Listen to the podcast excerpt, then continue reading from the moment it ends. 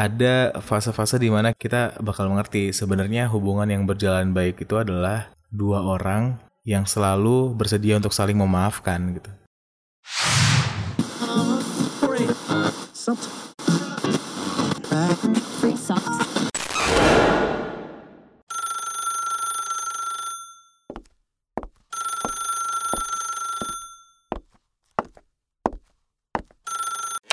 Hey, halo semuanya. Lu semua lagi dengerin gue, Gary Ardian. Apa kabar? Buat yang udah lama nunggu, maafin. Ya, kayaknya udah mulai banyak yang tahu ya. Kalau misalnya gue tuh nggak suka dimintain podcast baru. Jangan request, ntar malah tambah lama. karena karena emang gue buat podcast buat diri gue sendiri kan sebenarnya buat reminder gitu. Cuman ya kalau misalnya kalian juga mendapatkan insight baru dari podcast ini bagus. Cuman ya, apalagi sampai request-request, jangan dah. Nikmatin aja. Semoga gue nggak ada beban dan apa ya bisa terus-terusan gitu buat podcast baru karena nggak ada halangan, nggak ada gue takut mengecewakan dan lain sebagainya. Well, nggak apa-apa kok. Gue hari ini pengen ngebahas hal baru yang gue rasa juga cepat atau lambat kalian juga bakal ngalamin jadi ada baiknya dibahas dari sekarang. Karena akan pendengar gue tuh uh, insightnya itu dari umur 17 sampai 24 tahun. Yang berarti dalam masa-masanya mau mencari jodoh ya kan? Uh, dan itu nggak gampang gitu. Maksudnya kalau misalnya kita tahu jawabannya dari awal sih enak ya. Cuman karena kita harus menebak-nebak dan melewati semuanya sampai akhirnya kita ada di masa yang tepat. Kita kayak harus mempersiapkan diri gitu kan untuk sampai akhirnya ketemu sama jodoh kita gitu. Nah kemarin gue sempet bahas di twitter gue tanya gitu sebenarnya kalau cara kalian untuk mendapatkan jodoh kira-kira kayak gimana? Yang pertama tuh kan ada yang menciptakan jodoh ibaratnya kayak pengennya udah sama siapa gitu. Misalnya ada teman dekat yang sekarang lagi berproses terus ya tumbuh bareng tumbuh bersama gitu. Tapi ada juga yang kalau misalnya urusan jodoh apa ya? Ibaratnya dia tuh kayak mencari soulmate-nya gitu. Kayak dia tuh percaya bahwa semua ini udah ditentukan dari awal kalau A dengan si B dan si B dengan si C dan lain sebagainya. Jadinya dia dalam proses mencari seseorang itu gitu. Well, gue gua nggak bisa menyalahkan salah satu di antara dua dua cara yang sangat populer itu karena menurut gue sendiri uh, sebenarnya keduanya juga diperlukan gitu. Cuman caranya kita aja beda-beda sampai akhirnya juga uh, semua hal yang terkait di dalam menemukan jodoh dan menciptakan jodoh juga mau nggak mau harus dilakukan karena nanti kan ada maintenance, ada gimana kita menjaga hubungan tetap baik dan lain sebagainya kan. Jadi nggak mungkin cuman dengan dengan ketemu soulmate kita doang terus kita bisa uh, bahagia. Dan nggak cuman karena kita tumbuh bersama dengan seseorang aja terus kita bisa yakin bahwa dia jodoh kita gitu. Jadi keduanya menurut gue perlu. Tapi katanya dulu gue uh, lupa ini denger atau baca di mana katanya sih kalau misalnya ada orang yang mencari jodohnya itu kayak dia mencari soulmate-nya biasanya ketika udah klop itu kemungkinan gagalnya jadi lebih sedikit gitu karena dia udah ngerti kalau kalau menurut dia ya inilah orangnya gitu yang paling cocok buat dia gitu. Kalau di cari tahu arti sesungguhnya soulmate, gimana caranya soulmate itu bisa muncul nih di permukaan? Katanya sih mitosnya gue juga nggak percaya katanya soulmate itu adalah orang yang paling dekat sama kita di kehidupan sebelumnya sedangkan di agama gue sendiri juga kayaknya nggak ada deh yang gitu-gitu ya. Cuman uh, ya kita bisa membayangkan lah kalau soulmate itu ketika kita ketemu sama dia rasanya kayak kita udah kenal lama gitu sama dia. Kita udah kayak tahu dia luar dalam dan lain sebagainya. Katanya kalau kita mencari jodoh dengan cara ini kita bakal lebih sedikit kemungkinan untuk gagal hubungannya gitu. Karena kita udah ibaratnya kalau kita menemukan dengan cara ini kita udah tahu kita itu siapa, butuhnya apa, prinsip kita gimana, terus tiba-tiba dipertemukan sama seseorang yang sesuai sama prinsip-prinsip itu terus juga uh, ya ibaratnya bisa saling melengkapi lah gitu cocok. Jadi menurut gue cara cara mencari soulmate ini juga ya bagus. Nah kemudian ada orang yang mencari jodohnya dengan uh, tumbuh bersama jadi kayak dia nggak mencari karena menurut dia mungkin cari yang sempurna nggak bakal ada gitu. Jadi ya kalau misalnya sekarang ada di depan mata untuk ngejalin hubungan sama dia yaudah jalanin terus kita tumbuh bersama. Cari kekurangan-kekurangan yang ada di dalam diri dan dirinya terus diobrolin terus begitu terus berkembang berkembang bertumbuh sampai akhirnya mengerti satu sama lain gitu. Tujuannya satu tujuannya supaya mereka bisa mengerti satu sama lain dan e, ibaratnya mereka berasa jodoh lah gitu berasa emang ditakdirkan untuk satu sama lain gitu So dua dua-duanya sebenarnya tu, punya tujuan yang sama tapi dengan eksekusi yang berbeda-beda aja. Gak bisa kita judge cara mana yang benar dan cara yang mana yang salah karena buat gue sendiri dua-duanya perlu. Kemarin gue sempat bahas kan kalau kita itu harus mencintai diri kita sendiri dulu baru kita bisa mencintai orang lain gitu. Nah ini tuh mirip-mirip sama sama proses sebelum kita akhirnya ketemu sama soulmate kita kan. Yang masuk di nalar gue adalah ya bisa nih kita ketemu sama orang yang klop sama kita karena sebelumnya kita udah tahu kita itu maunya gimana gitu. Kita itu udah tahu apa kekurangan kita, kita itu udah tahu oh ternyata yang kira-kira bakal cocok sama gue nih or orangnya harus begini nih, orangnya harus begini. Nggak bisa begitu. Kalau misalnya begitu itu bakal bertolak belakang sama apa yang gue lakuin. Jadi kalau misalnya gue pengen ngejalin hubungan sama seorang harusnya begini gitu. Nah itu kan sebuah proses yang sebenarnya kalau dilogikakan ya masuk akal gitu. Proses kita menemukan soulmate. Nah yang perlu gue ingetin adalah ada ada yang salah nih atau ada yang kurang lengkap dari dari kalimat-kalimat yang ngat uh, apa ya bilang kalau kita tuh harus menemukan soulmate kita suatu saat nanti segala macamnya. Seolah-olah soulmate itu gua untuk satu orang yang ditakdirkan di dunia ini gitu. Yang mungkin bisa jadi iya karena mau nggak mau kita udah harus percaya sama takdir itu kan. Tapi tapi tapi menurut gue kalau dilogikakan ya wajar akhirnya kita menemukan satu orang yang paling klop sama kita karena penelitian dan segala macamnya jenis manusia itu kan udah diklasifikasikan kan? Jadinya kayak uh, kita udah tahu kalau misalnya misalnya enneagram. Kalian udah pernah dengar enneagram belum sih? Enneagram mencari sifat manusia.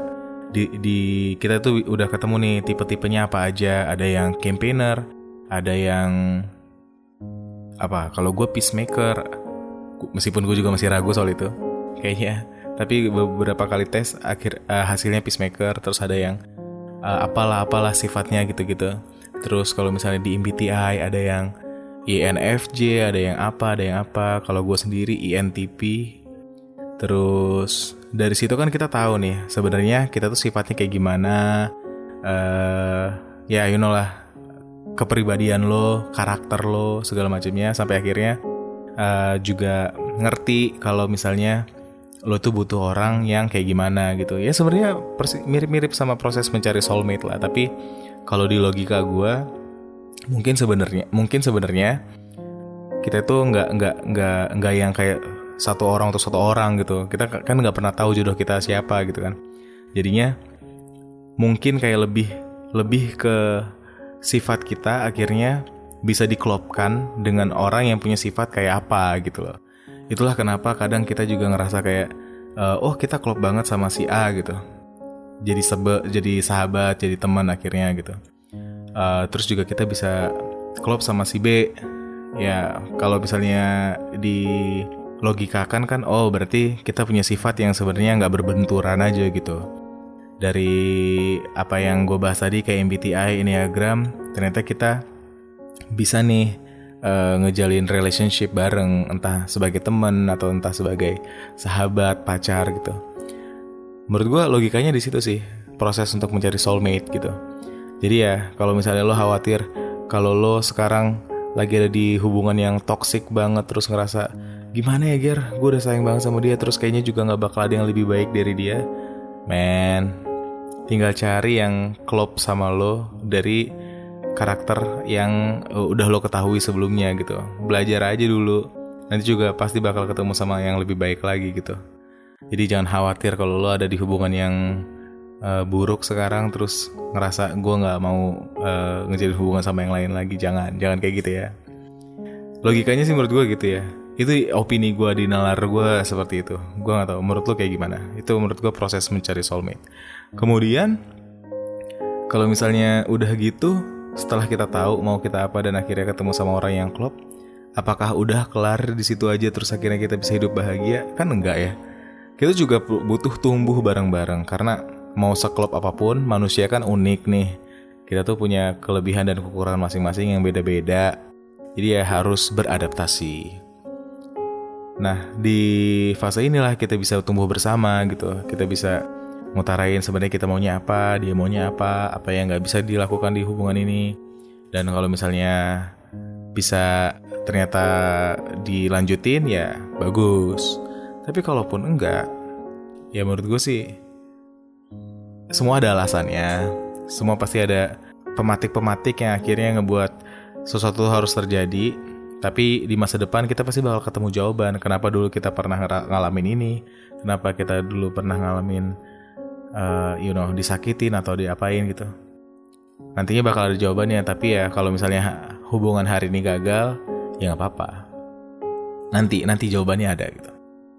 So menurut gue dari dua hal itu aja kita tuh bisa bisa ngerti bahwa sebenarnya uh, dalam proses ketemu jodoh itu yang dibutuhkan adalah gimana kita bisa mengerti dulu dan paham kenal sama diri sendiri nggak cuman nggak cuman ngejalan hari kayak biasa doang tapi kita tuh tahu kebutuhan kita tuh sebenarnya apa maunya gimana sedalam-dalamnya baru kemudian kita bisa mulai belajar untuk mengenali orang lain.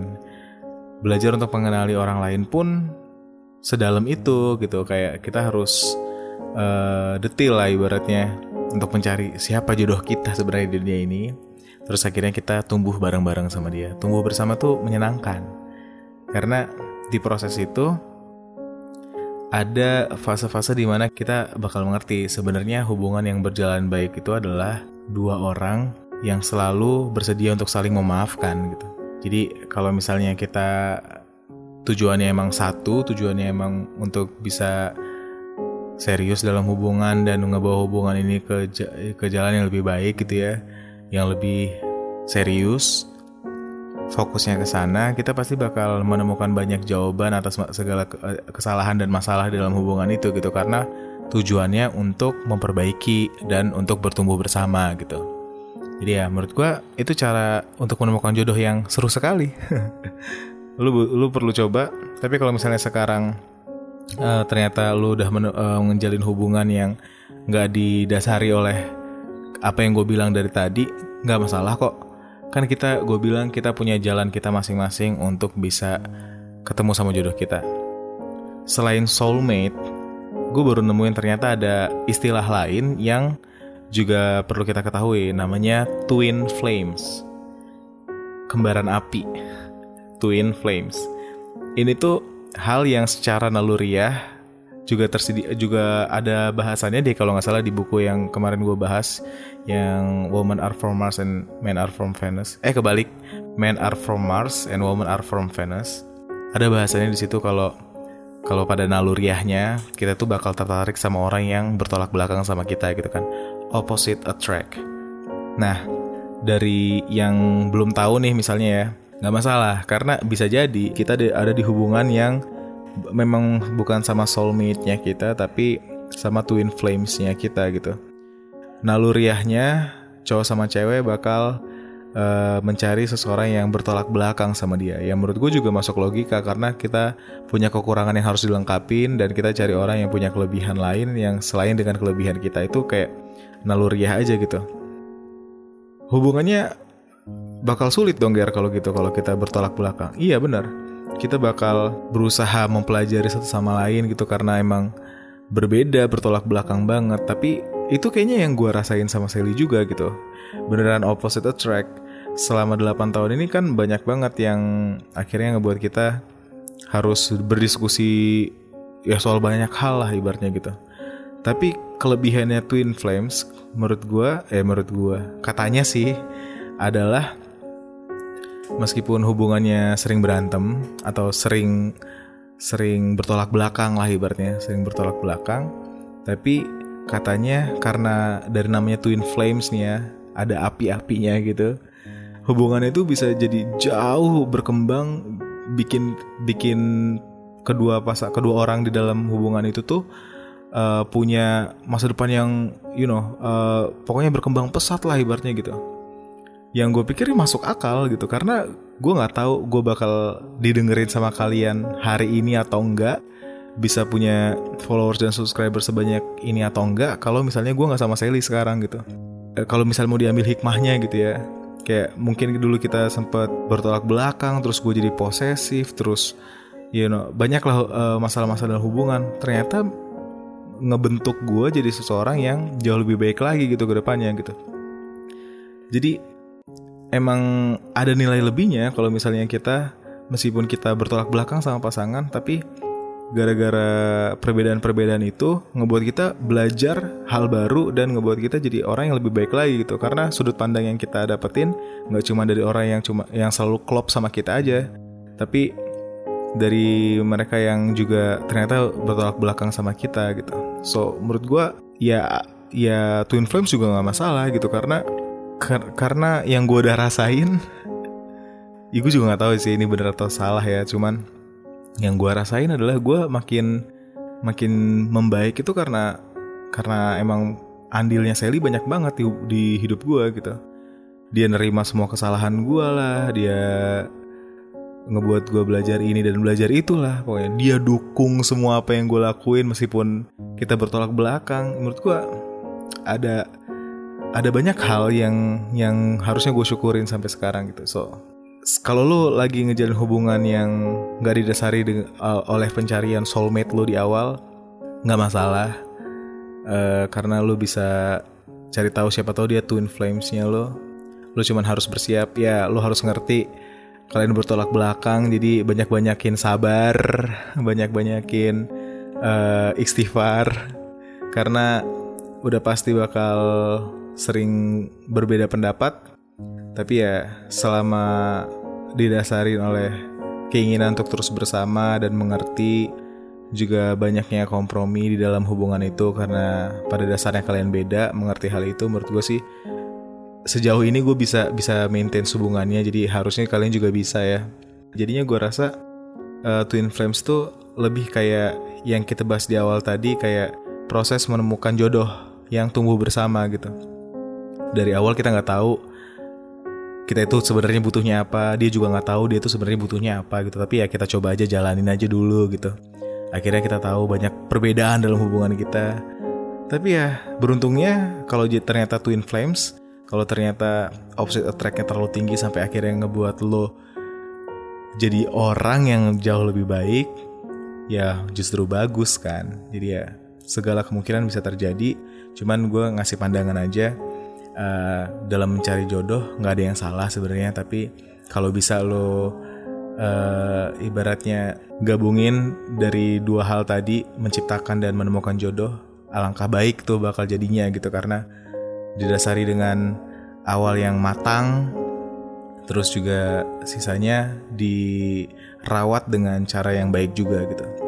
So semoga ngebuka pikiran lo soal gimana sih sebenarnya ngejalin hubungan uh, dan menemukan jodoh, gimana sih sebenarnya yang harus dilakuin kalau ternyata kita bertolak belakang sama pasangan uh, dan dan dan semoga kita semua punya hubungan yang makin baik ke depannya, oke? Okay? Komen di bawah kasih tau gue menurut lo cara menemukan jodoh versi lo tuh kayak gimana, oke? Okay?